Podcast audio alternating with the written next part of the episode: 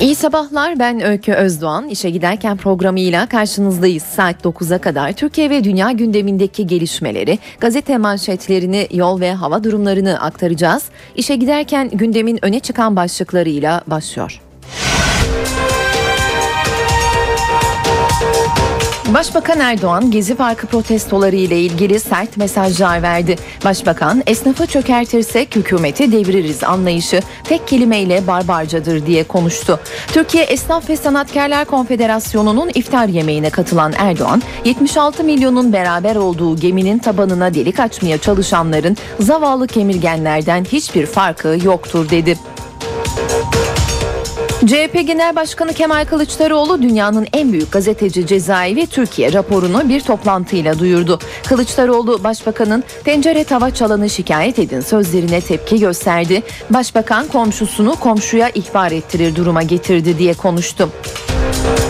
Diyanet İşleri Başkanı Mehmet Görmez inanç üzerinden tartışma yaparak birbirimizi üzmek doğru değil. Alevi Aleviliğini, ateist de kendi anlayışını istediği gibi yaşamalı dedi.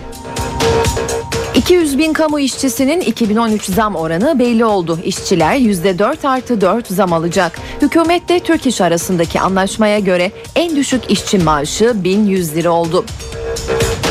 Genelkurmay Suriye sınırında kaçakçılık yaptığı belirtilen bir grubun ateşine karşılık verildiğini, Suriye tarafında bir kişinin hayatını kaybettiğini açıkladı. Sınırda yaşanan bir başka olayda ise akaryakıt kaçakçılarına müdahale eden askerler taşlı saldırıya uğradı, 7 asker yaralandı.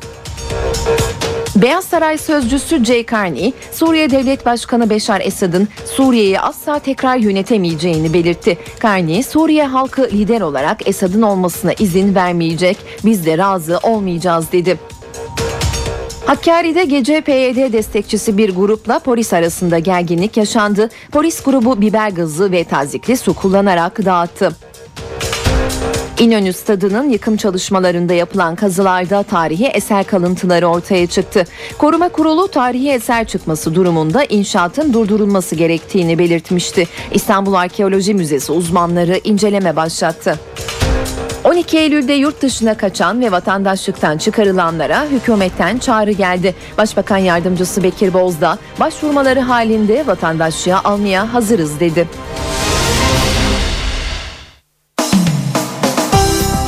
İşe giderken gazetelerin birinci sayfalarından haberler aktaracağımız basın turuyla devam ediyoruz ve hürriyetle başlayalım tura. Benimle de barışın başlığı göze çarpıyor manşetinde hürriyetin.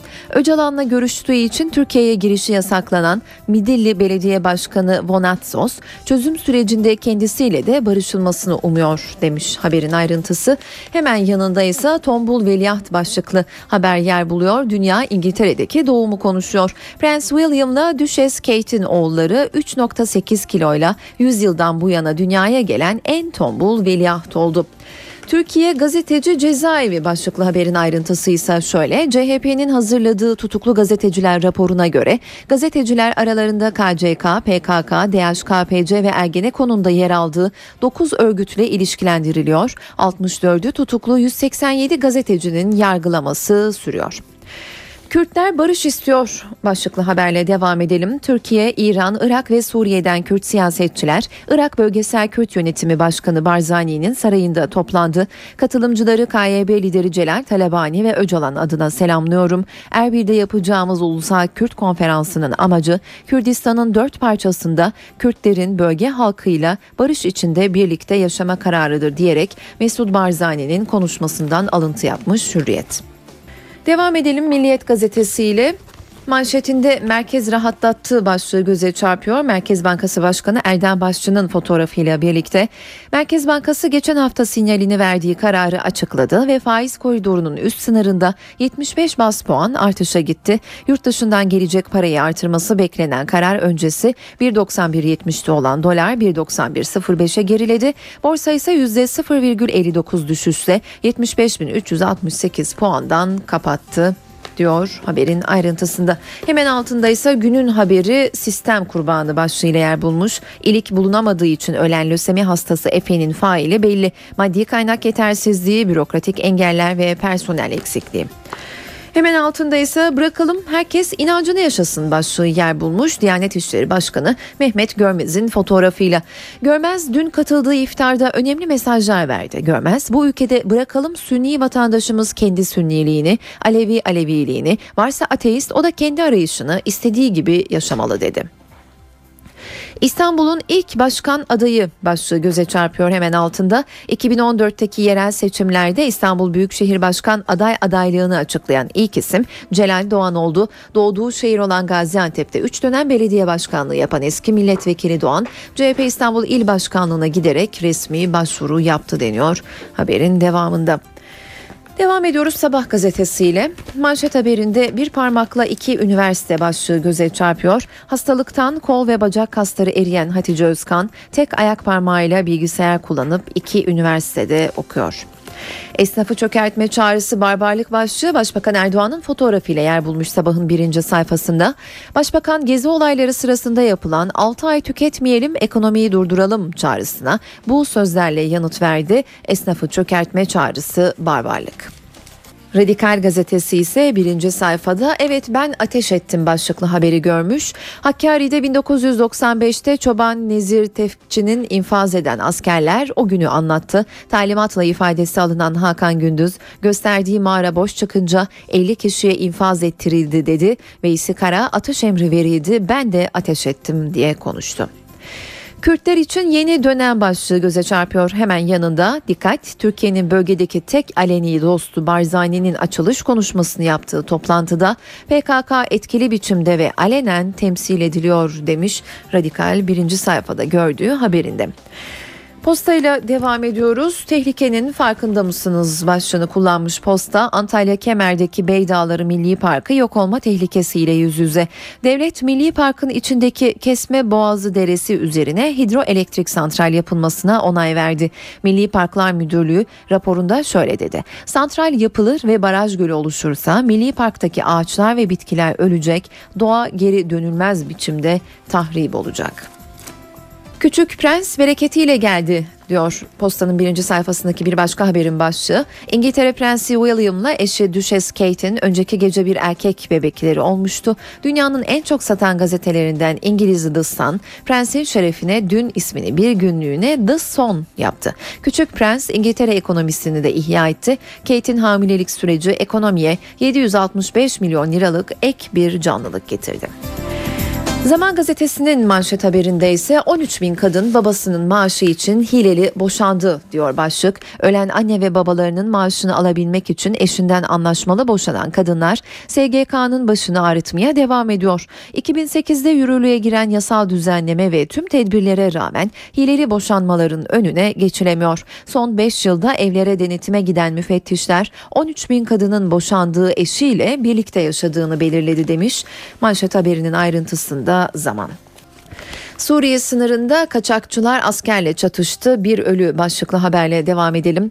Türkiye Suriye sınırında önceki gün saat 17.30 sularında Suriye tarafına yasa dışı yollardan geçmeye çalışan 8 kişi tespit edildi. Güvenlik güçleri tarafından bölgeye yaklaşmamaları konusunda uyarılan şahıslar Türk askerine doğru ateş etmeye başladı. Genelkurmay Başkanlığından yapılan açıklamada nöbetçiler açılan ateşe angajman kuralları kapsamında ateşe karşılık vermiştir. Olay sonucunda ateş açan gruptan bir şahsın öldüğü öğrenilmiştir diyor zamanın birinci sayfasındaki haber. Cumhuriyet ise onca acıdan sonra demiş manşetinde. Bakan Güler sonunda polisten gösterilerde kurallara uygun davranmasını istedi. İçişleri Bakanı Muammer Güler gezi direnişinde 5 kişinin yaşamını yitirmesinden, en az 11 kişinin gözünü kaybetmesinden, binlerce kişinin yaralanmasından sonra kural dışlıkları önlemeye yönelik bir genelge yayımladı. Güler polisin sopa, pala gibi malzemelerle eylemcilere saldıranları engellemesini ve adli makamlara teslim etmesini istedi demiş. Cumhuriyet manşetinde ayrıntılandırdığı haberinde. Ya açık olsaydı diyor bir başka başlık Cumhuriyet'te Ceylanpınar'da okula 22 mermi. Şanlıurfa'nın Ceylanpınar ilçesi Suriye'nin Resulan kentinde El Nusra cephesi ve PYD güçleri arasında devam eden çatışmalar nedeniyle zor günler geçiriyor. İlçedeki Mevlana İlköğretim Okulu'nun camlarına ve ve duvarlarına son bir haftada 22 mermi isabet etti. Yaz tatili nedeniyle okulların kapalı olması olası bir faciayı önlerken sokaklardan mermi çekirdekleri toplayan halk çatışmaların bir an önce bitmesini istiyor. Habertürk'le devam edelim. Habertürk demokrasiye son rötuş başlığını görmüş manşetinde. Başbakanlıktaki demokrasi zirvesinden reform paketi çıktı. Büyük şehirlerde beşer vekillik daraltılmış bölgeler oluşturulacak. Yerleşim yerlerine Kürtçe isim konulabilecek. Kamuda kıyafet serbestisi olacak. Başbakan Erdoğan son şeklini vereceği pakete göre BDP dahil baraj altındaki partilere de bütçe yardımı yapılacak. Kamuda Kürtçe hizmetin önü açılacak uzun tutukluluk bitecek, şiddete bulaşmayan PKK'lı dönebilecek. DNA skandalı başlıklı haberi aktaralım. Lösemiden ölen Emir Efe Cömert'e ilik için DNA analizindeki hatadan ötürü yanlış donör arandığı iddia edildi. Baba Aydın Cömert yanlış HLA değerleri olmasa belki oğlum yaşayacaktı artık çok geç dedi. Amerika Esad'a son noktayı koydu diyor bir başka başlık Habertürk'te. Amerika'da Suriyeli muhaliflere silah yardımına onay çıktı. Beyaz Saray, Esad Suriye'yi tekrar asla yönetemeyecek, halk izin vermeyecek dedi. Yeni Şafak'a bakalım şimdi de başörtülü memura vize diyor manşetteki haberin başlığı. Danıştay'ın iki yıl önce memurluktan çıkarılan başörtülü öğretmen Melek Yılmaz'ın davasında tarihi bir karara imza attığı ortaya çıktı. Başörtüsü ceza gerekçesi olamaz diyen 12. daire tazminata hükmetti, karar kesinleşti. Metro Başkan Başlığı ile devam edelim. İstanbul'un ikinci büyük metro hattı Mecidiyeköy Mahmut Bey arasına yapılacak. 17,5 kilometre uzunluğundaki hat iki mesafe arasını 26 dakikaya indirecek. Projeye 18 Eylül'deki ihalenin ardından başlanacak. Son olarak akşam gazetesine bakalım. Akşamın Manşetindeki haberin başlığı Barzani'den PYD'ye uyarı. Türkiye, Irak ve İran ve Suriye'deki Kürt grup ve parti temsilcilerini Erbil kentinde toplayan Bölgesel Kürt Yönetimi Başkanı Barzani, Suriye sınırında ÖSO ile çatışan PYD'ye üstü kapalı mesaj verdi. Yeni dönemde en güçlü silah diyalog, barış ve demokratik yöntemlerdir. Esnafa kardeşlik çağrısı başlığı Başbakan Erdoğan'ın fotoğrafıyla yer buluyor. Erdoğan gezi olayları sonrasında esnafın büyük zarara uğradığını söyledi. Birileri çıktı 6 ay alışveriş etmeyelim çağrısı yaptı diyen Erdoğan nasıl gözlerinin döndüğünü görüyorsunuz. Esnafı çökertirsek hükümeti deviririz anlayışı tek kelimeyle barbarcadır ifadesini kullandı diyor. Saat 7.19 ben Öykü Özdoğan işe giderken günün öne çıkan gelişmeleriyle devam ediyoruz. Başbakan Erdoğan Gezi Parkı protestoları ile ilgili sert mesajlar verdi. Başbakan esnafı çökertirsek hükümeti deviririz anlayışı tek kelimeyle barbarcadır diye konuştu. Türkiye Esnaf ve Sanatkarlar Konfederasyonu'nun iftar yemeğine katılan Erdoğan 76 milyonun beraber olduğu geminin tabanına delik açmaya çalışanların zavallı kemirgenlerden hiçbir farkı yoktur dedi. Birileri çıktı ne dediler? 6 ay tüketmeyelim dediler. Ekonomiyi durduralım çağrısı yaptılar. Esnafı çökertirsek hükümeti deviririz anlayışı tek kelimeyle barbarca. 76 milyonun içinde bulunduğu geminin tabanına delik açmaya çalışan zavallı kemirgenlerden hiçbir farkı yoktur. Başbakan Recep Tayyip Erdoğan, Türkiye Esnaf ve Sanatkarlar Konfederasyonu'nun Ankara'daki iftar yemeğinde Gezi Parkı protestolarıyla ilgili yine sert mesajlar verdi. Esnafımız mağdur edildi. Masa sandalyeler parçalandı. Dükkanlar yağmalandı. Türkiye'nin esnafı tarihi boyunca vandallığın, barbarlığın, yağmacılığın, şiddetin karşısında durmuştur.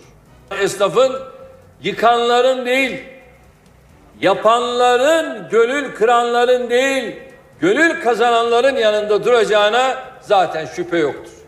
Erdoğan eylemlerle Türkiye'yi yıpratmaya çalışan kesimlerin olduğundan söz etti. Türkiye boyun eğmez dedi. Sokakların sistemli şekilde terörize edilerek esnafa, benim zanaatkar kardeşime, tüccara zarar verilmesine biz asla göz yumamayız. Gezi Parkı olaylarında eleştiri konusu olan biber gazı kullanımı ile ilgili İçişleri Bakanlığı'ndan polislere uyarı geldi. Bakan Güler yayınladığı genelgeyle polise biber gazının nasıl kullanılması gerektiğini hatırlattı. Gezi Parkı eylemlerinin ardından İçişleri Bakanı Muammer Güler'den polise 3 konuda uyarı geldi. 40 metreden yakın gruplara tüfekle gaz bombası atmayın.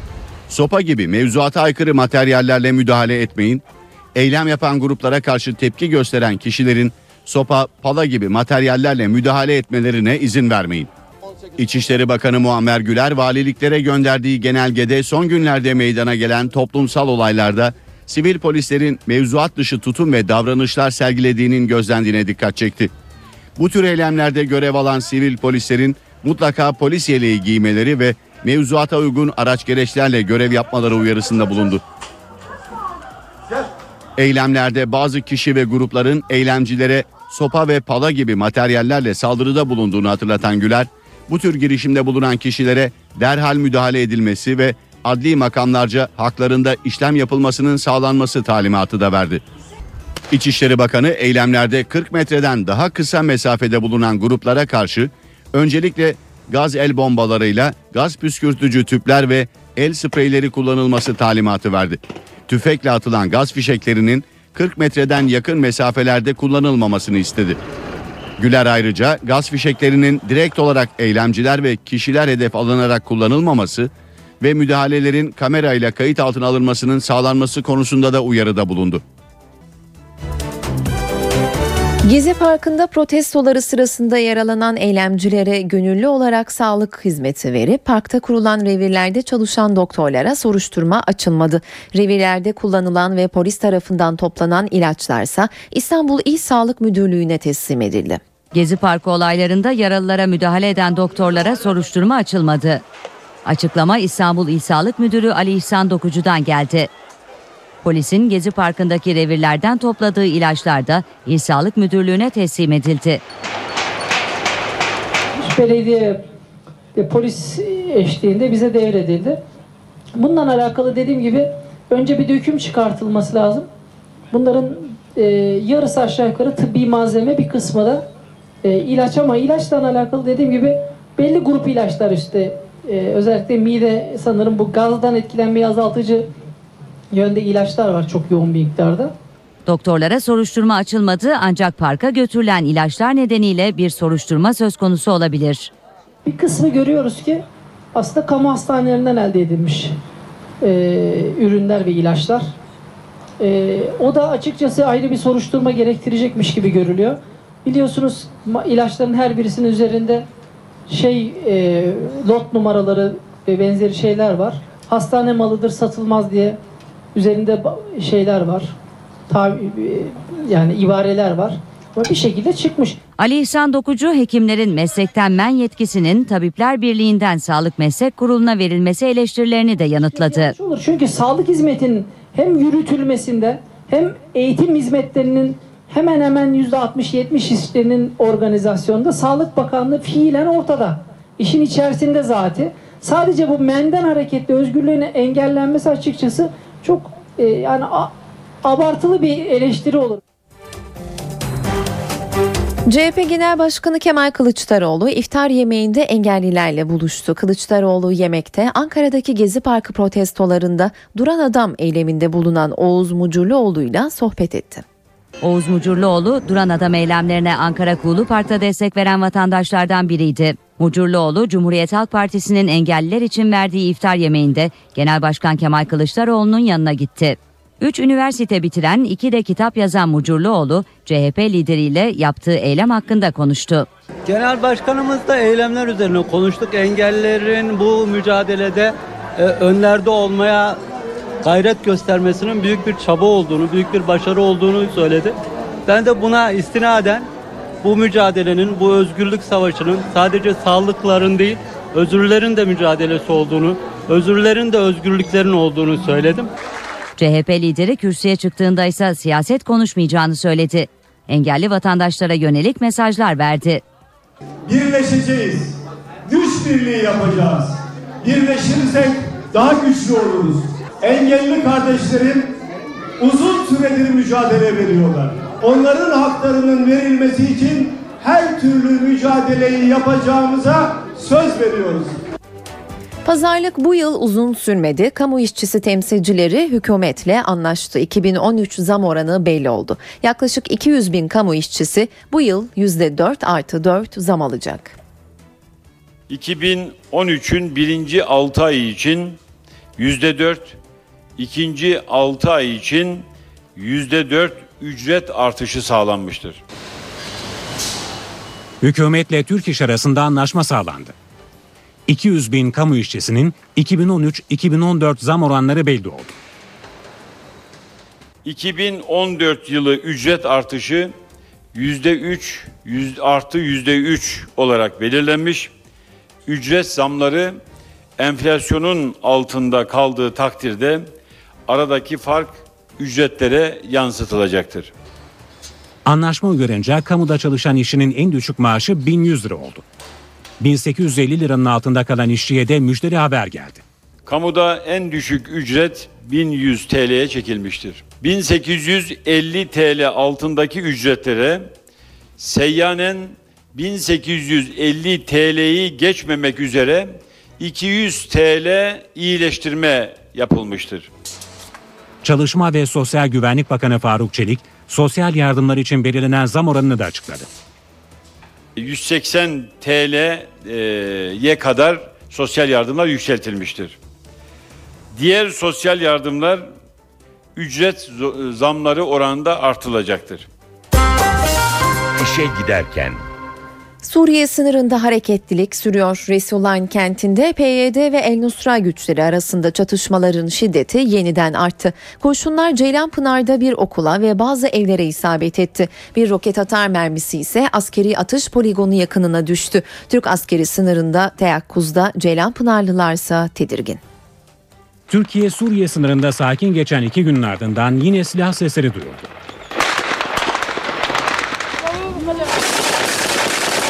El Nusra ve PYD birlikleri Resulayn'da çatışmaya girdi. Ceylanpınar'daki sınır noktasında bulunan askeri atış poligonu yakınlarına roket atar mermisi düştü. Patlamayan mermi uzman ekipler tarafından imha edildi. Seken kurşunların hedefinde evler de vardı. Gördüğünüz gibi evin birkaç iki yerinde yukarıda 4-5 yerde kurşun izası var. Önceden dışarıda yatıyorduk, ba- balkonlarda yatıyorduk, damda yatıyorduk. Şu an içeride yatmaya bile korkuyoruz. Cihat Yavuz Yenişehir Mahallesi'nde market işletiyor. Çatışmalar yüzünden işlerinin durduğunu ve ailesinin huzursuz olduğunu anlatıyor. Vallahi öyle devam ederse şehri boşaltırız yani. Başka yapabileceğimiz hiçbir şey yok. Burası da içine kurşun isabet eden bir başka nokta Mevlana İlkokulu. El Nusra ve PYD güçlerinin arasındaki çatışmaların dozu arttıkça kurşunlar Türkiye sınırına düşmeye devam ediyor. Bu kez isabet alan Mevlana İlköğretim Okulu'nun kütüphanesinin camıydı. Tam 3 kurşun isabet etti buraya. Neyse ki okullar tatildi ve kimse yaralanmadı. Çatışma seslerinin yankılandığı ilçede halk diken üstünde. Halkımızın kendi can güvenliği Belediye hoparlöründen yapılan anonslarla halkın sınır hattından uzak durması ve evlerinin terasına çıkmamaları istendi. sınır hattında dolaşmamaları gerekmektedir. Türk askeri de sınırda teyakkuzda.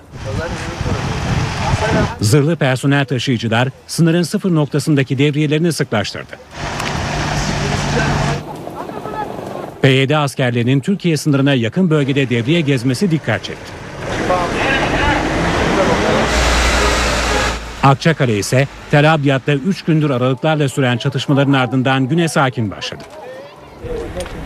Ancak akşam saatlerinde Suriye tarafından atıldığı iddia edilen 4 havan topu mermisi Buket köyü yakınlarında boş araziye düştü.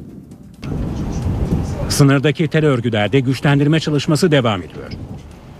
Sınırda hareketlilik sürerken Türk askeri öte yakadan bir grupla sıcak temasa geçti. Genelkurmay Suriye sınırında kaçakçılık yaptığı belirtilen bir grubun ateşine karşılık verildiğini, Suriye tarafında bir kişinin hayatını kaybettiğini açıkladı. Yine sınırda yaşanan bir başka olayda ise akaryakıt kaçakçılarına müdahale eden askerler taşlı saldırıya uğradı, 7 asker yaralandı. Suriye konusunda Amerika Birleşik Devletleri'nden bir açıklama var. Beyaz Saray Beşar Esad Suriye'yi ileride tekrar yönetemeyeceğini söyledi. Beyaz Saray sözcüsü Jay Carney, Suriye halkı Suriye'nin geleceğinde lider olarak Esad'ın olmasına izin vermeyecek. Biz de razı olmayacağız dedi. Amerika'nın müttefikleriyle ve Suriyeli muhaliflerle Esad sonrası geçiş dönemi üzerinde çalıştığını dile getiren Carney, döneminin en kötü tiranlarından biri olarak tarihe gömülecek Esad'ın başarılı olabileceğine inanmadıklarını da belirtti.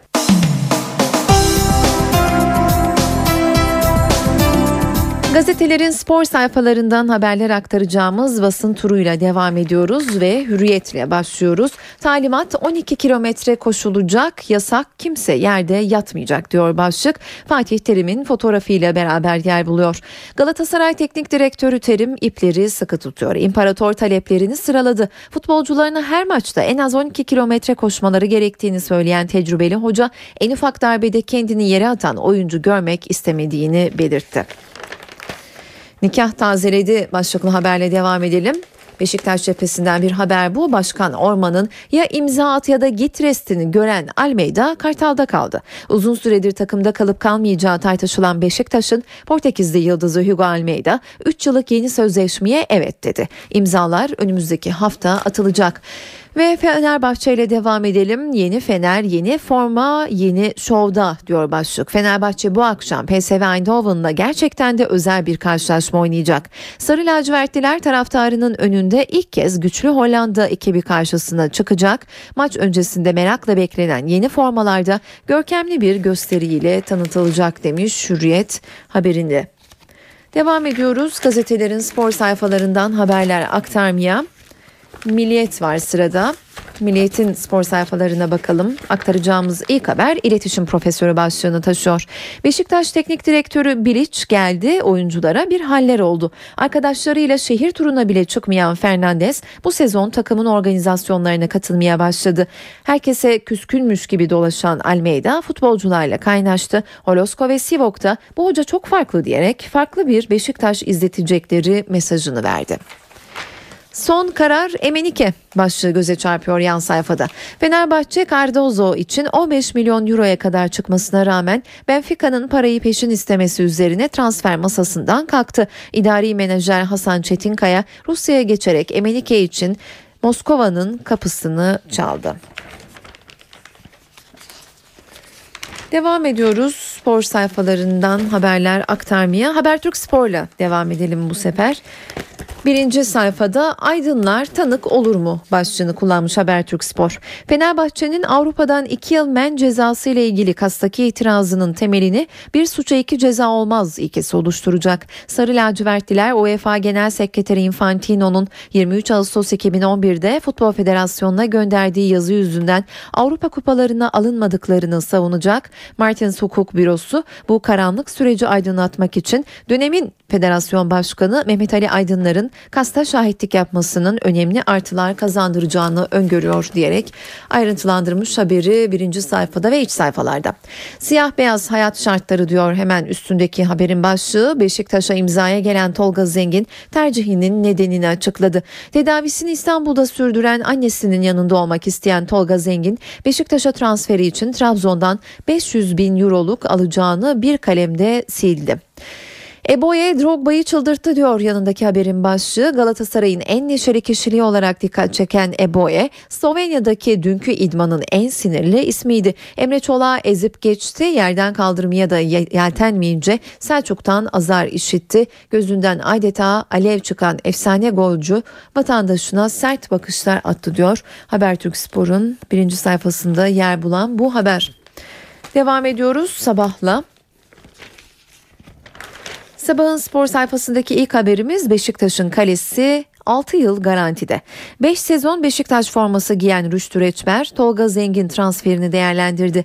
Tolga yetenekleri, tecrübesi ve karakteriyle özel bir isim. Takıma hem futboluyla hem de duruşuyla çok önemli katkı sağlayacaktır. Devam edelim sabahın spor sayfalarından haberler aktarmaya. Fener UEFA zengini diyor bir başka başlık. UEFA geçen sezon Avrupa Ligi'nde kulüplere dağıtılan rakamları açıkladı. Finalin eşiğinden dönen Fenerbahçe 11 milyon 100 bin euro ile en çok kazanan kulüp oldu. Posta var sırada. Postanın spor sayfalarından aktaracağımız ilk haberin başlığı Gönlü Zengin Kartal. 17 yıllık Trabzonspor macerasından sonra farklı duygularla Beşiktaş'a geldiğini vurgulayan tecrübeli kaleci Tolga Zengin, futbolda vefaya çok önem veririm. Annemin rahatsızlığında Beşiktaş camiası bana çok destek oldu. İnşallah burada güzel günler yaşayacağım diye konuştu. Emenike Resti başlığı göze çarpıyor hemen altında. Benfica kulübü Oscar Cardozo'nun bon servisinde 15 milyon eurodan aşağı inmeyince Fenerbahçe rotasını Rusya'ya çevirdi. Sarı lacivertli yöneticiler daha önce de gündemde olan Spartak Moskova'nın golcüsü Emenike için harekete geçti. Galatasaray'la devam edelim. Asla ayrılmam diyor başlık. Galatasaray kalecisi Fernando Muslera transfer dedikodularına cevap verdi. Kendisine veya kulübe teklif gelmediğini söyleyen Uruguaylı file bekçisi 3 yıllık kontratım var burada mutluyum dedi. Trabzonspor cephesinden bir haber yaylım ateşi başlığıyla yer buluyor postada. Trabzonspor Başkanı İbrahim Hacı Osmanoğlu Fenerbahçe Başkanı Aziz Yıldırım'a yanıt verdi. Hacı Osmanoğlu umarım mesnetsiz sözleri UEFA süreci tamamlandıktan sonra da ifade edebilecek bir mecra bulabilir. Ve son olarak Akşam gazetesine bakalım. Akşamın spor sayfalarından ilk haber 3 yıl daha Galatasaray'dayım başlığını taşıyor. Mustera transfer dedikodularına noktayı koydu. Bana gelen teklif Galatasaray'la 3 yıllık daha sözleşmem var.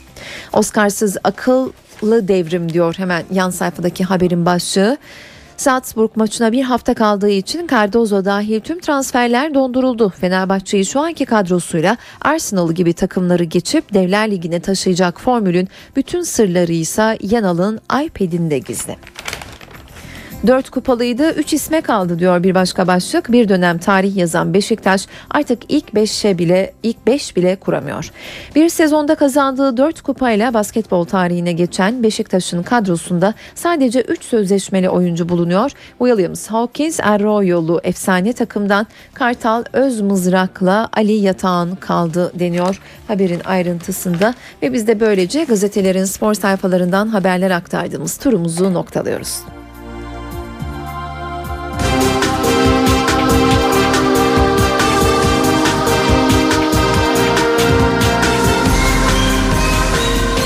İşe giderken. Daha önce sosyal paylaşım sitesi Facebook'u çökerterek güvenlik açıklarını ortaya çıkaran bilgisayar programcısı İbrahim Baliç bu kez yazılım devi Apple'ın açıklarını buldu ve yüzlerce kullanıcının bilgisine ulaştı. Günde milyonlarca kişinin giriş yaptığı portal perşembeden bu yana kapalı. Apple durumu hacklendik güvenlik nedeniyle kapalıyız diye açıkladı. NTV o açıkları gün yüzüne çıkaran isim İbrahim Balic'e ulaştı.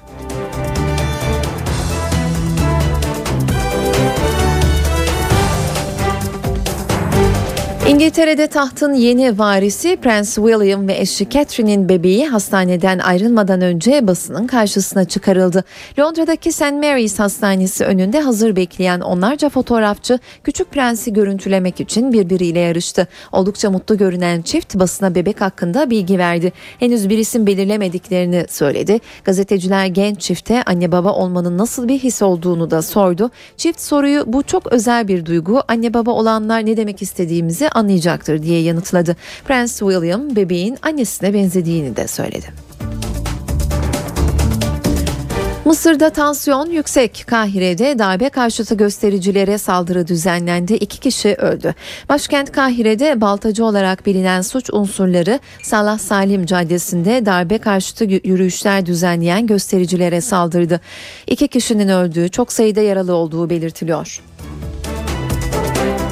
Güney Amerika ülkelerinden Peru'da öğrenciler sokaktaydı. Anayasa Mahkemesi ve Merkez Bankası'na atanan isimleri protesto eden öğrenciler poliste çatıştı. Peru'da öğrenciler ayakta. Başkent Lima'da yüzlerce genç Anayasa Mahkemesi ile Merkez Bankası'na yapılan atamaları protesto etmek için sokaklardaydı. Milletvekillerini geçmişleri soru işaretleriyle dolu yandaşlarını bu görevlere atamakla suçlayan öğrenciler kongreye yürümek isteyince polisle karşı karşıya geldi. Polis protestocuları dağıtmak için basınçlı su ve göz yaşartıcı gaz kullandı. İnsanlar kızgın. Polis protesto başladığından bu yana göz yaşartıcı gaz kullanıyor. İnsanları sadece burada oldukları için rastgele gözaltına alıyorlar. Şiddete başvurmayan gençleri yakalıyorlar. Peru Kongresi protestolar üzerine tartışmalar atamaları görüşmek için toplanma kararı. Amerika Birleşik Devletleri'nde New York Belediye Başkan adayı Anthony Weiner yeni bir skandalla karşı karşıya. İki yıl önce internette tanıştığı kadınlara çıplak fotoğraflarını gönderdiği için senatörlük görevinden istifa etmek zorunda kalan Weiner bu kez internet üzerinden tanıştığı kadınlara cinsel içerikli mesajlar göndermekle suçlanıyor. Skandalın patlak vermesiyle Weiner kameraların karşısına geçti ve af diledi. Eşi de Weiner'ı basın toplantısında yalnız bırakmadı. Gazetecilere eşini affettiğini söyleyen Huma Abedin eşini sevdiğini ve hayatlarına devam etmek istediklerini söyledi. Seçim kampanyasını sürdürme kararı almasına rağmen skandalın Weiner'ın adaylığını riske atabileceği belirtiliyor. Forbes dergisi en çok kazanan genç ünlülerin listesini yayınladı. Listenin tepesinde son bir yılda 80 milyon dolar kazanan şarkıcı Lady Gaga var. Onu genç kızların sevgilisi Justin Bieber izledi. Ekonomi dergisi Forbes son bir senenin en çok kazanan genç ünlülerin listesini yayınladı. 30 yaş altındaki ünlülerin yer aldığı listenin ilk sırasında Lady Gaga var. Geçirdiği ameliyat nedeniyle konser turunun bir bölümünü iptal etmek zorunda kalmasına rağmen Lady Gaga son bir yılda 80 milyon dolar kazandı. Listede Lady Gaga'yı 58 milyon dolarla Justin Bieber takip ediyor. Geçtiğimiz sene ilk sırada yer alan Taylor Swift ise 55 milyon dolarlık kazancıyla bu sene 3 numarada. Sanatçıların 2012'nin Haziran ayından 2013 Haziran'ına kadar elde ettikleri kazancın hesaplandığı listedeki diğer isimlerden biri de Adele. James Bond serisinin 23. filmi Skyfall'da seslendirdiği şarkıyla Oscar ödülü kazanan Adele senede 25 milyon dolarla 8. sırada.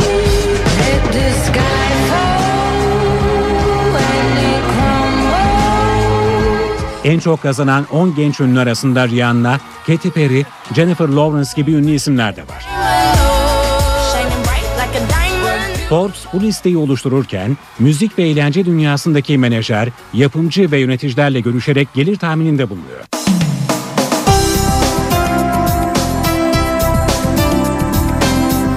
Gazetelerin birinci sayfalarından haberler aktaracağımız basın turu var sırada. Hürriyetle başlıyoruz turumuza.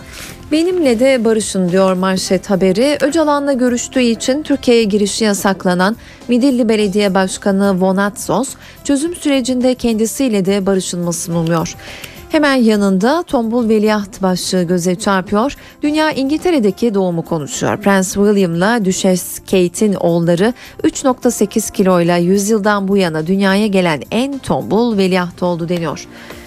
Kürtler barış istiyor başlıklı haberle devam edelim. Türkiye, İran, Irak ve Suriye'den Kürt siyasetçiler Irak Bölgesel Kürt Yönetimi Başkanı Barzani'nin sarayında toplandı diyor haber ve Mesud Barzani'nin açıklamalarından alıntı yapıyor. Katılımcıları KYB lideri Celal Talabani ve Öcalan adına selamlıyorum. Erbil'de yapacağımız Ulusal Kürt Konferansı'nın amacı Kürdistan'ın dört parçasında Kürtlerin bölge halklarıyla barış içinde birlikte yaşama kararıdır.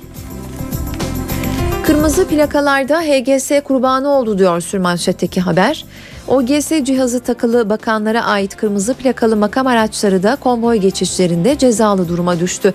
En çok ceza 21 kaçak geçişte Çevre ve Şehircilik Bakanı Erdoğan Bayraktar'ın makam aracına ait. Milliyet gazetesi ise sürmanşetinde Yeşilköy'de skandal başlıklı haberi görmüş. Atatürk Havalimanı'nda dün büyük bir skandal yaşandı. İsrail'den sınır dışı edilip Atatürk Havalimanı'na gelen AS Kayın görevlilerin dalgınlıklarından faydalanarak Amerikan Delta Hava Yolları'nın New York uçağına bindi. Bütün koltukların dolu olması nedeniyle ayakta kalan Kayın'ın uçağa kaçak bindiğini anlayan kabin ekibi uçağı geri döndürdü. Kayın polise teslim edildi.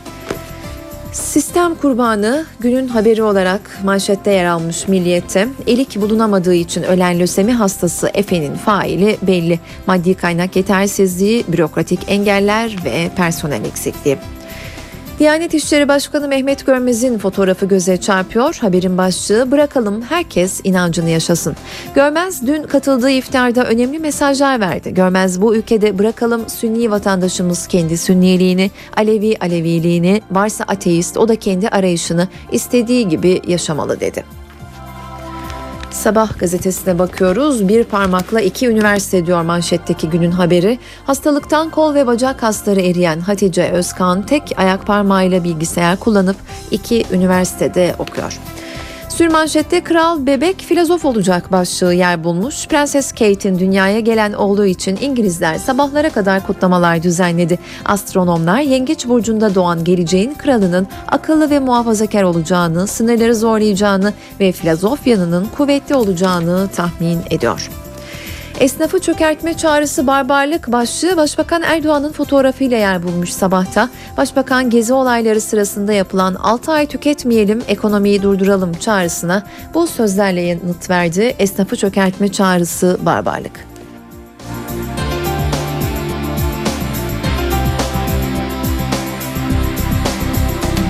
Posta ise tehlikenin farkında mısınız diyor haberin başlığında. Antalya Kemer'deki Beydağları Milli Parkı yok olma tehlikesiyle yüz yüze. Devlet Milli Park'ın içindeki Kesme Boğazı Deresi üzerine hidroelektrik santral yapılmasına onay verdi. Milli Parklar Müdürlüğü raporunda şöyle dedi. Santral yapılır ve baraj gölü oluşursa Milli Park'taki ağaçlar ve bitkiler ölecek, doğa geri dönülmez biçimde tahrip olacak. Zaman gazetesi ise 13 bin kadın babasının maaşı için hileli boşandı başlığını taşımış manşetine. Ölen anne ve babalarının maaşını alabilmek için eşinden anlaşmalı boşanan kadınlar SGK'nın başını ağrıtmaya devam ediyor. 2008'de yürürlüğe giren yasal düzenleme ve tüm tedbirlere rağmen hileli boşanmaların önüne geçilemiyor diyor zaman manşetindeki haberin ayrıntısında. Radikal gazetesi ise evet ben ateş ettim diyor başlığında. Hakkari'deki 1995'te Çoban Nezir Tekçi'yi infaz eden askerler o günü anlattı. Talimatla ifadesi alınan Hakan Gündüz gösterdiği mağara boş çıkınca 50 kişi infaz ettirildi dedi.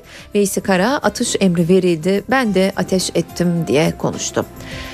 Kürtler için yeni dönem diyor hemen yandaki haberin başlığı. Dikkat Türkiye'nin bölgedeki tek aleni dostu tırnak içinde Barzani'nin açılış konuşmasını yaptığı toplantıda PKK etkili biçimde ve alenen temsil ediliyor. Cumhuriyete bakalım. Onca acıdan sonra başlığını kullanıyor manşette. İçişleri Bakanı Muammer Güler gezi direnişinde 5 kişinin yaşamını yitirmesinden, en az 11 kişinin gözünü kaybetmesinden, binlerce kişinin yaralanmasından sonra kural dışılıkları önlemeye yönelik bir genelge yayımladı. Güler polisin sopa, pala gibi malzemelerle eylemcilere saldıranları engellemesini ve adli makamlara teslim etmesini istedi. Hemen altındaki başlıksa yol gösterici. Birleşmiş Milletler'in kararının Türkiye aleyhine açılacak uluslararası davalarda emsal olarak gösterileceğini ve Türkiye'nin ciddi kınama cezaları alabileceğini söyleyen Barolar Birliği Başkanı açıkçası mızrak çuvala sığmıyor dedi.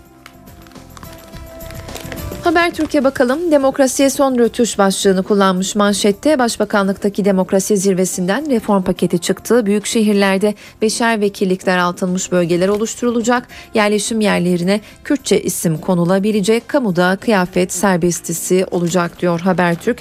Akşamsa manşetinde Barzani'den PYD'ye uyarı başlığını kullanıyor.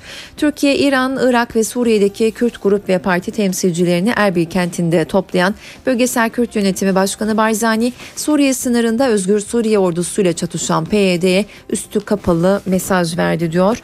Ve son olarak Yeni Şafak'a bakalım. Başörtülü memura vize başlığını taşımış manşetine. Danıştay'ın iki yıl önce memurluktan çıkarılan başörtülü öğretmen Melek Yılmaz'ın davasında tarihi bir karara imza attı ortaya çıktı. Başörtüsü ceza gerekçesi olamaz diyen 12. daire tazminata hükmetti. Karar kesinleşti. Ankara gündemi.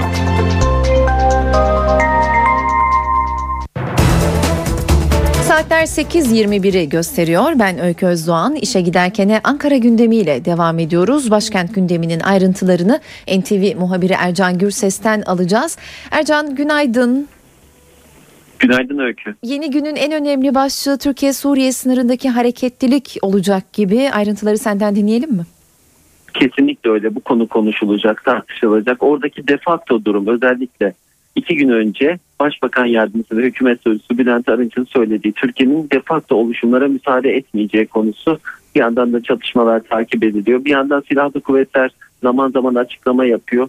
Bugün şayet bir hareketlilik olursa yine Genelkurmay'dan bir açıklama beklememiz gerekecek Ankara'da onu söylemek lazım. Hı hı. Mısır'daki gelişmeler yakından takip ediyor. Biraz gündemin geri planına düşmekle birlikte. Gezi Parkı eylemleri bitti ama Gezi Parkı eylemleriyle ilgili tartışmalar özellikle Başbakan Erdoğan'ın iftarlarda yaptığı konuşmalarda gündeme gelebiliyor. Dün Başbakan Erdoğan esnafa hitap etmişti. Türkiye Esnaf ve Sanatkarlar Konfederasyonu'nun iftarında ve Gezi Parkı eylemlerinde esnafa karşı yapılanları bandallık ve barbarlık olarak nitelemişti. Başbakan bugün yine önemli bir iftarda Çevik Kuvvet Şube Müdürlüğü'nde Çevik Kuvvet polisleriyle iftar yemeğinde bir araya gelecek ki Gezi Parkı eylemlerinde onlar da ön plana çıkan bir topluluktu. Bu açıdan dikkat çekici.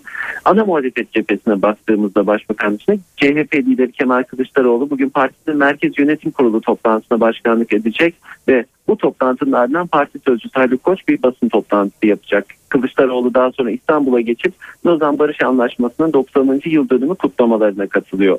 Balyoz davası Ankara'da yargıtay duruşmalarıyla devam ediyor. 361 sanıklı davanın bugün savunma dinlenmesine devam edecek. Avukatların savunmalarının dinlenmesi söz konusu. Hı hı. Bakanların programlarına şöyle bir baktığımızda Ulaştırma Bakanı Binali Yıldırım Haliç Limanı kompleksi projesinin ihalesine katılıyor. Daha sonra da Türk Telekom çalışanlarının toplu iş sözleşmesi imza törenine. Ekonomi Bakanı Zafer Çağlayan ASO Ankara Sanayi Odası meclis toplantısında konuşacak. Ankara'da iki önemli iş adamı heyeti var. TÜSİAD ve MÜSİAD. Bakanları ziyaret edecekler. TÜSİAD heyeti Ulaştırma Bakanı, Sanayi Bakanı ve Çalışma Bakanı'nı, MÜSİAD heyeti de Sanayi Bakanı ve Gümrük Bakanı'nı ziyaret edecek. Mecliste iki basın toplantısı var. MHP'den Özcan Yeniçeri, CHP'den Atilla Kart basın toplantısı yapacak. Son başlıkta Memur Sen Genel Başkanı Ahmet Gündoğdu'nun toplu görüşme, memurların toplu görüşme e, sözleşmesi öncesinde, toplu sözleşmesi öncesinde sunacakları teklifle ilgili bir basın toplantısı olacak. Başkent gündeminin başlıklarının ayrıntıları bu şekilde öykü. Teşekkürler Ercan. NTV muhabiri Ercan Gürses'ten başkent gündeminin ayrıntılarını dinledik.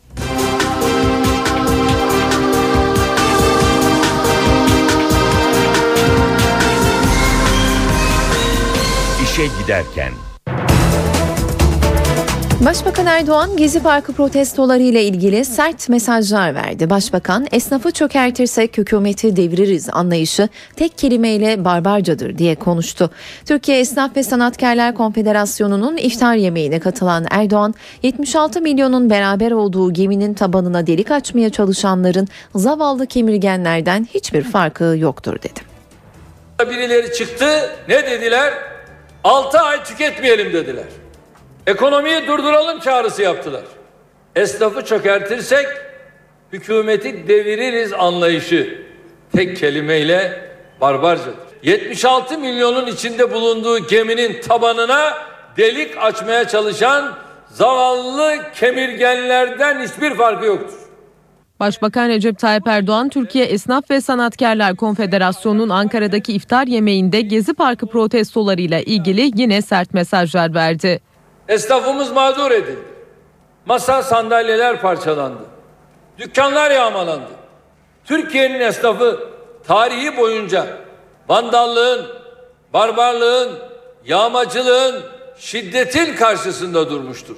Esnafın yıkanların değil, yapanların, gönül kıranların değil, gönül kazananların yanında duracağına zaten şüphe yoktur. Erdoğan eylemlerle Türkiye'yi yıpratmaya çalışan kesimlerin olduğundan söz etti. Türkiye boyun eğmez dedi.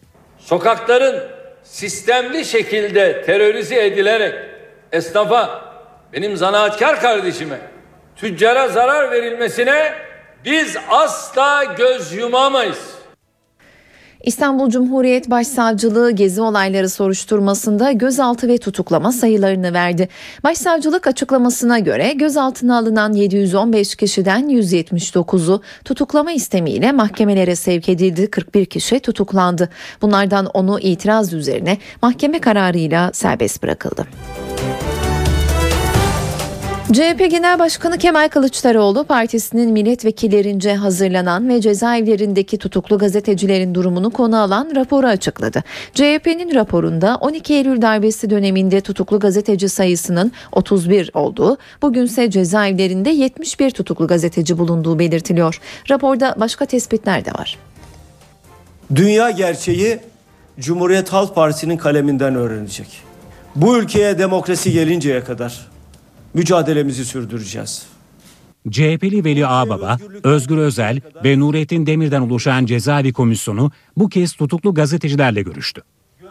Dünyanın en büyük tutuklu gazeteci cezaevi adı verilen rapor, CHP Genel Başkanı Kemal Kılıçdaroğlu tarafından kamuoyuyla paylaşıldı. Benim beğenmediğim haberi verdi diye gazeteciyi hapse atmak, onu terörist diye yaftalamak, sorgulamak, tutuklamak, gözaltına almak çağdaş demokrasilerde kabul edilen bir uygulama değildir. Sayın Başbakan ülkeyi yarı açık cezaevine döndürdü. Gazeteciler açısından da Türkiye'yi yaşanamaz bir ülke haline getirdi. Cezaevinde bulunan 71 gazetecinin büyük bölümünün örgüt üyesi olmakla suçlandığı belirtilen raporda düğün CD'si, diş macunu, hatta gazetecilerin yaptığı röportajlar, kamera ve fotoğraf makinelerinin delil olarak sayıldığı belirtildi. Cezaevindeki gazetecilerden 23'ünün ciddi sağlık sorunları bulunduğu tespiti de yapıldı. Raporun sonuç bölümünde Türkiye'yi dünyanın en büyük gazeteci cezaevi olmaktan kurtarmanın yolu gerçek anlamda demokrasinin ilkelerini işletmekten geçmektedir ifadeleri kullanıldı. İngilizce çevrilen rapor, Birleşmiş Milletler, Avrupa Birliği, Avrupa Parlamentosu gibi uluslararası siyasi kurum ve kuruluşların yanı sıra uluslararası basın kuruluşlarına ve uluslararası insan hakları örgütlerine gönderilecek. Hükümet darbe mağdurlarına dön çağrısı yaptı. Başbakan Yardımcısı Bekir Bozdağ 12 Eylül darbesi nedeniyle vatandaşlıktan çıkarılanları başvurmaları halinde vatandaşlığa almaya hazır olduklarını söyledi. Türkiye Cumhuriyeti vatandaşlığından çıkarılmış olan insanlarımızın her birleri istedikleri zaman Türkiye Cumhuriyeti vatandaşlığını geri almak için müracaatta bulunabilirler. Ee, şu anda buna mani bir hal yoktur. Başbakan Yardımcısı Bekir Bozdağ 12 Eylül döneminde vatandaşlıktan çıkarılanlara bu sözlerle çağrı yaptı. Müracaat ettikleri takdirde tekrar vatandaşlığa kabul edileceklerini söyledi. Bozdağ'ın yaptığı çağrı sadece darbe dönemini kapsamıyor. 12 Eylül askeri darbesinin çıkardığı veya başka zamanlarda herhangi bir gerekçeyle vatandaşlıktan çıkarılmış insanlarımız müracaat ettikleri takdirde onların vatandaşlığa kabulüyle ilgili gerekli değerlendirmeler yapılabilmekte ve vatandaşlığa alınabilmektedir.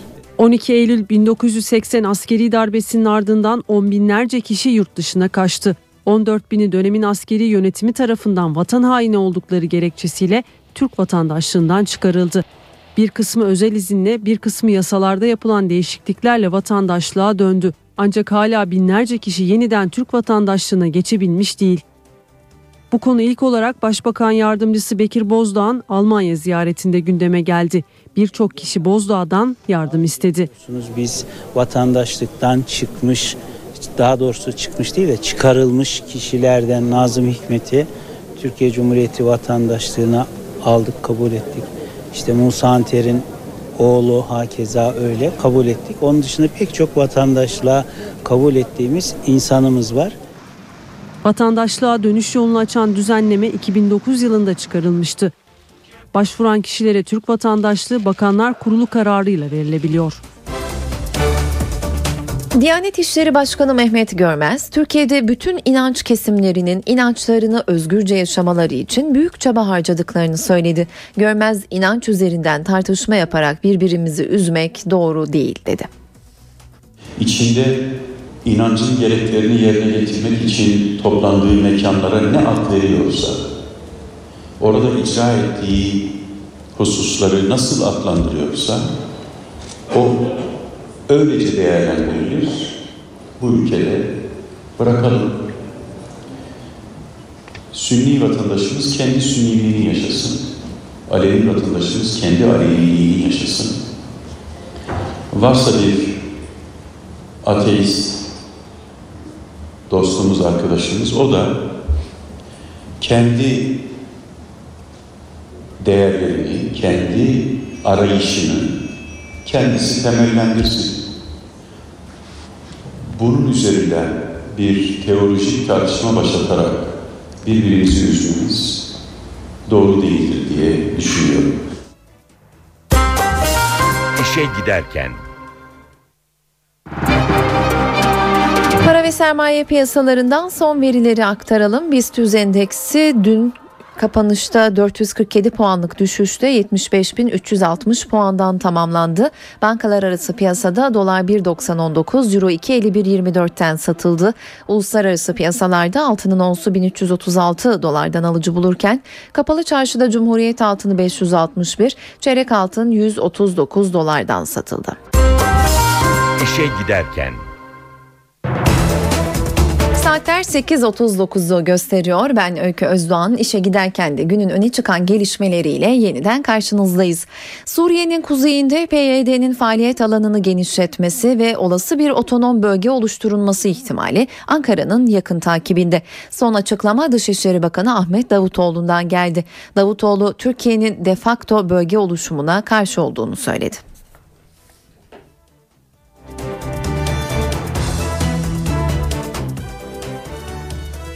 Türkiye olarak biz daha önce birçok kerelerde vurguladığımız gibi Suriye seçilmiş Suriye parlamentosu oluşana ve Suriye siyasal sistemine nihai şeklini verene kadar herhangi bir de facto e, bölge oluşması veya diğer bölgelerle ilişkilerin kopması şeklinde bir anlayışı, bir e, yaklaşımı ve uygulamayı kabul etmeyiz. Bunu biz kabul etmediğimiz gibi e, Suriye'deki diğer gruplar da bunu kabul etmezler. Her şey önce şu anda herkesin son derece basiretli bir şekilde bu tür çatışmalardan uzak durması lazım. Bu Türkiye'nin herhangi bir grubun özellikle de Kürtlerin Suriye'deki haklarına karşı çıkması anlamına gelmez. Aksine e, tabii Suriye krizi e, Suriye içinde bir kriz olmaktan e, çıkarak Türkiye'nin güvenliğini etkilemeye başladığı andan itibaren Türkiye e, sınır güvenliğini korumak üzere her türlü tedbiri alma hakkına e, sahiptir. Suriye konusunda Amerika Birleşik Devletleri'nden bir açıklama var. Beyaz Saray, Beşar Esad Suriye'yi ileride tekrar yönetemeyeceğini söyledi. Beyaz Saray sözcüsü Jay Carney, Suriye halkı Suriye'nin geleceğinde lider olarak Esad'ın olmasına izin vermeyecek, biz de razı olmayacağız dedi. Amerika'nın müttefikleriyle ve Suriyeli muhaliflerle Esad sonrası geçiş dönemi üzerinde çalıştığını dile getiren Carney, döneminin en kötü tiranlarından biri olarak tarihe gömülecek Esad'ın başarılı olabileceğine inanmadı olmadıklarını da belirtti. İşe giderken İnönü Stadı'nın yıkım çalışmalarında tarihi eser kalıntıları ortaya çıktı. İstanbul Arkeoloji Müzesi uzmanları inceleme başlattı. Yıkımı devam eden tribünlerin altında tonozlu yani kemer benzeri bir şekle sahip tarihi eser kalıntıları bulundu. Kalıntıların incelenmesi için arkeoloji görevlendirildi. Koruma kurulu stadın altından tarihi eser çıkması durumunda inşaatın durdurulması gerektiğini belirtmişti. Kültür Varlıkları ve Müzeler Genel Müdürlüğü'nün 2012'de hazırladığı rapor raporda İnönü Stadı yapılmadan önce aynı alanda saray atlarının bakıldığı yapı, saray tiyatrosu ve iki adet gazhane bulunduğu fotoğraflarla belgelenmişti.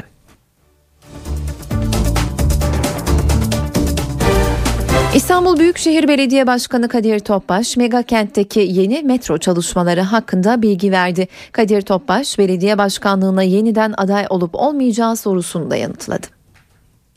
İhale aşamasına gelenler var. İşte bunlardan bir tanesi ihale gününü aldığımız 18 Eylül olarak e, bahsedeceğimiz Mecidiyeköy'den itibaren gidecek olan ve Mahmut Bey yani Bağcılar'a erişecek olan e, Çağlayan Adliyesi'ni alacak. E, diğer taraftan Kağıthane, Ali Beyköy, Gazi Osman Paşa, Giykop üstü üzerinden e, Bağcılar Mahmut Bey'e kadar gidecek olan bir metro hattı ki önemli bir hat. Bu hattın bir ucu daha sonra Mahmut Bey'den diğer tarafa uzanacak. İstanbul Büyükşehir Belediye Başkanı Kadir Topbaş, Mecidiyeköy Mahmut Bey metro hattının ayrıntılarını anlattı. Mecidiyeköy'den Kabataş'a geleceğimiz ikinci ihale aşamamız var ve böylece 17,5 kilometrelik bu hat bölgenin önemli yoğunluğunu alacak. Kadir Topbaş yeni metro güzergahının Marmara ile bağlantılı olacağını söyledi. Topbaş katıldığı iftar yemeğinde yeniden başkan adayı olup olmayacağı ile ilgili soruları da yanıtladı. Tüm siyasi partiler en güçlü adaylarıyla geçmişte olduğu gibi e, buradan başlayacaklardır. E, Cumhuriyet Halk Partisi Sayın Kılıçdaroğlu ile başladı sonra genel başkan yaptı. Yani İstanbul böyle bir yer bu kadar etkin bir gücü olan bir yer. Biz burada hizmet ettik hizmet etmeye, etmeye devam ediyoruz. Tabii karar siyasi partimiz Sayın Başbakanım e, genel başkan olarak ve halkımızın vereceği kamuoyu yoklamaları sonucu belirleyecektir. 9 yaşındaki Emir Efe zamanında uygun ilik bulunamayınca hayatını kaybetti. Onun ölümü gözlerin kemik iliği bankalarına çevrilmesine neden oldu. Türkiye'de yaklaşık 3000 kişi her yıl kemik iliği için sıraya giriyor ve yarısı nakil beklerken yaşamını yitiriyor. 6 yıl boyunca lösemi tedavisi gördü, ilik nakli bekledi. Ama uygun ilik bulunamayınca 9 yaşındaki Emir Efe Cömert hayatını kaybetti. Efe gibi birçok çocuğu kaybediyoruz böyle. Yılda 550 tane müracaat var çapaya. 40 tane nakil var. İki tanesi Türkiye'den. Ortalamayı bahsediyorum. Peki kalan e, 502 tane, 510 tane dönüyor ne oluyor? Bekliyor. Yaşarsa yaşar. Emir Efe'nin ölümü gözleri kemik iliği bankalarına ve bağışına çevirdi. Türkiye'de kemik iliği bağışına ilgi az. Hastaların %10'unu ancak kendi bankamızdan verici buluyoruz. %90'ına yurt dışı bankalardan verici buluyoruz. Tabii ki bu vericilik ne, nereden buluyoruz? Bir bankanın verici sayısı çok yüksek olursa Almanya'nın 4 milyon civarında vericisi var. Amerika'nın 5-6 milyon civarında vericisi var. Türkiye'de? Türkiye'de 33 bin 35 bin civarında vericimiz var. Aslında ben kan vermekten falan çok korkarım ama Efe'yi duydum. Onun için gelmiştim. Öldüğünü duydum, üzüldüm. Yine de birilerine yardımcı olabilirim diye korktum ama başardım. Kemik iliği için sırada olanlardan biri de 10 yaşındaki Anıl Okur. Bir yıldır uygun ilik bekliyor. Ailesi hemen her gün kemik iliği bankasına geliyor, haber soruyor. Bir umut. Bekliyoruz şu anda. Geliyorsunuz uyan var mı diye soruyorsunuz galiba. Soruyoruz. En son doktorumuz bu bilgiyi bize şey yaptı. Tekrar ilaç tedavisi uygulayalım diye. Yani ondan da korkuyorum açıkçası. Türkiye'de her yıl yaklaşık 3000 kişi kemik iliği için sıra bekliyor. Hastaların yarısı nakil beklerken hayatını yitiriyor. Bu haberle işe giderken programının sonuna geldik. Ben Öykü Özdoğan. Saat başında gelişmelerle yeniden karşınızda olacağız.